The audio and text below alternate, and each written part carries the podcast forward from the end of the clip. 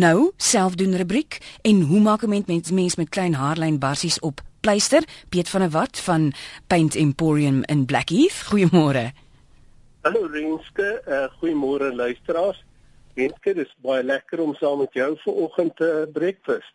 Ja, die haarlyn barsies bly 'n probleem want 'n mens moet dit herstel nie net vanuit 'n estetiese oogpunt nie, maar as 'n mens dit te lank los, kan dit groter barse word en die pleister kan selfs afbars. Nou wanneer dit klein haarlyn basies is, met ander woorde nou regtig kleiner as 'n millimeter, wenske dan maak ons nie hierdie basies oop nie. Ons gebruik 'n waterdigting met die vesel in, iets soos multi-seal en 'n mens gaan drie laagies kruis en dwars. Nou as ek sê kruis en dwars, eers horisontaal net oor hierdie basie of basies verf. Dit laat droog word en dan teen 'n reghoek met ander woorde dan dalk nou weer van bo na onder ook met 'n kwas oor hierdie basie verf. En uh, dan weer 'n derde laag. En die voordeel hiervan is hierdie waterdigting vorm nou eintlik soos 'n velletjie oor hierdie basie met ander woorde daar kom nie verder suurstof en water by hierdie barsie nie en hy sal nie verder bars nie. En uh, dan kan 'n mens daarna verf. Nou renske wanneer die barsie 'n bietjie groter is, groter as 'n millimeter sou ek sê, of wanneer die barsie beginne aan die kante opdop soos wat 'n blommetjie oopmaak, begin die walletjies, die randjie van hierdie bars begin ook opstaan en as die barsie so ver ontwikkel het moet 'n mens dit maar met 'n skraper mooi skoonmaak of as dit selfs groter is en gewoonlik so in 'n V-vorm met ander woorde dunner aan die binnekant na die buitekant toe groter oop en nadat jy dit dan nou uitgekrap het sal 'n mens dit met 'n handbesem baie skoon uitborsel dat al die los sand uitkom en renske dan gebruik ons weer 'n stokseelaar Dit is nou nie die een waarmee die basie waaroor ek vroeër gesels het seël nie, iets soos 'n damp seal en 'n mens verf dit binne in hierdie basie in. En die groot rede daarvoor is eintlik want dit is nou 'n natuurlike substraat, daar's geen laagie verf meer oor nie. So ons bereik twee dinge. Eerste plek gee ons vir hierdie oppervlak nou 'n grondlaag en ons kan tweedens bind ons hierdie lossand baie goed vas sodat wanneer ons nou met 'n filler iets soos Coprox se waterproof crack filler of Plascon cement oil 90 dit opvul gaan dit baie goed vasklou en dit gaan nie sommer losbars en uitval nie.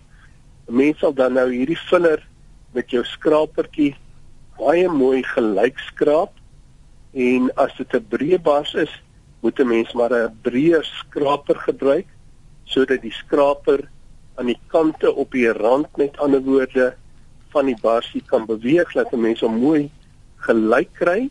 En my raad is dan voordat dit droog word is om gewoonlik dan net met 'n droë verfroller daaroor te rol sodat dit vir jou so 'n bietjie van 'n tekstuur gee.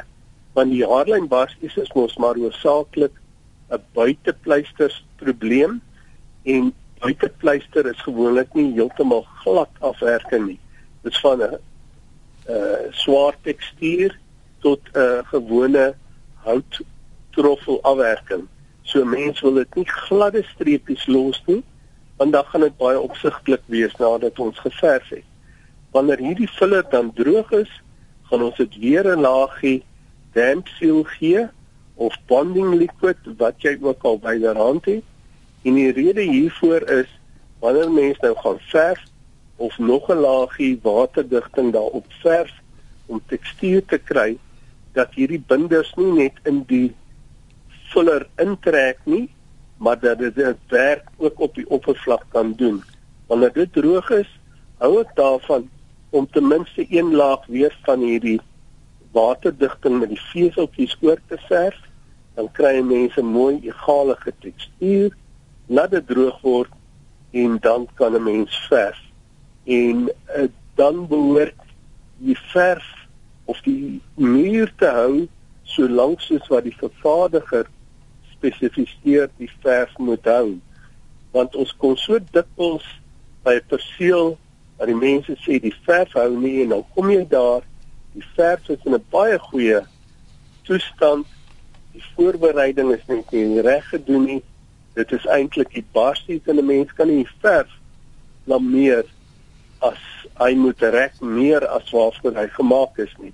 So as 'n mens dit doen soos wat ek nou beskryf het hoor dit baie lank te hou en die tyd wat 'n mens weer onderhoud moet doen sal 'n mens regtig kan uittrek Piet, so van verf gepraat. Ekskuus jammer om jou in die rede te val. So van verf gepraat. Iemand wil net weet of jy dalk weet van 'n verf met 'n rubber basis wat vir kuns gebruik word. Is jy bewus van so 'n soort verf?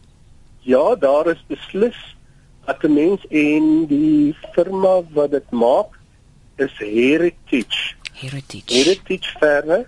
Ek is ongelukkig hier in in die Kaap. Uh, ons span so bietjie uit, maar as hulle later dan ook die winkel bel Morney sal vir hulle kan verwys uh, waar hulle ook al dan is na die vervaardiger toe.